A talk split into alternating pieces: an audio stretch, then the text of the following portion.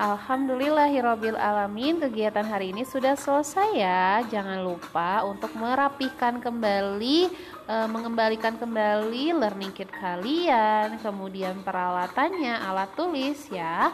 Insya Allah besok kita akan bertemu lagi. Selamat beristirahat anak-anak Argon Senon yang soleh dan soleha. Sampai jumpa besok.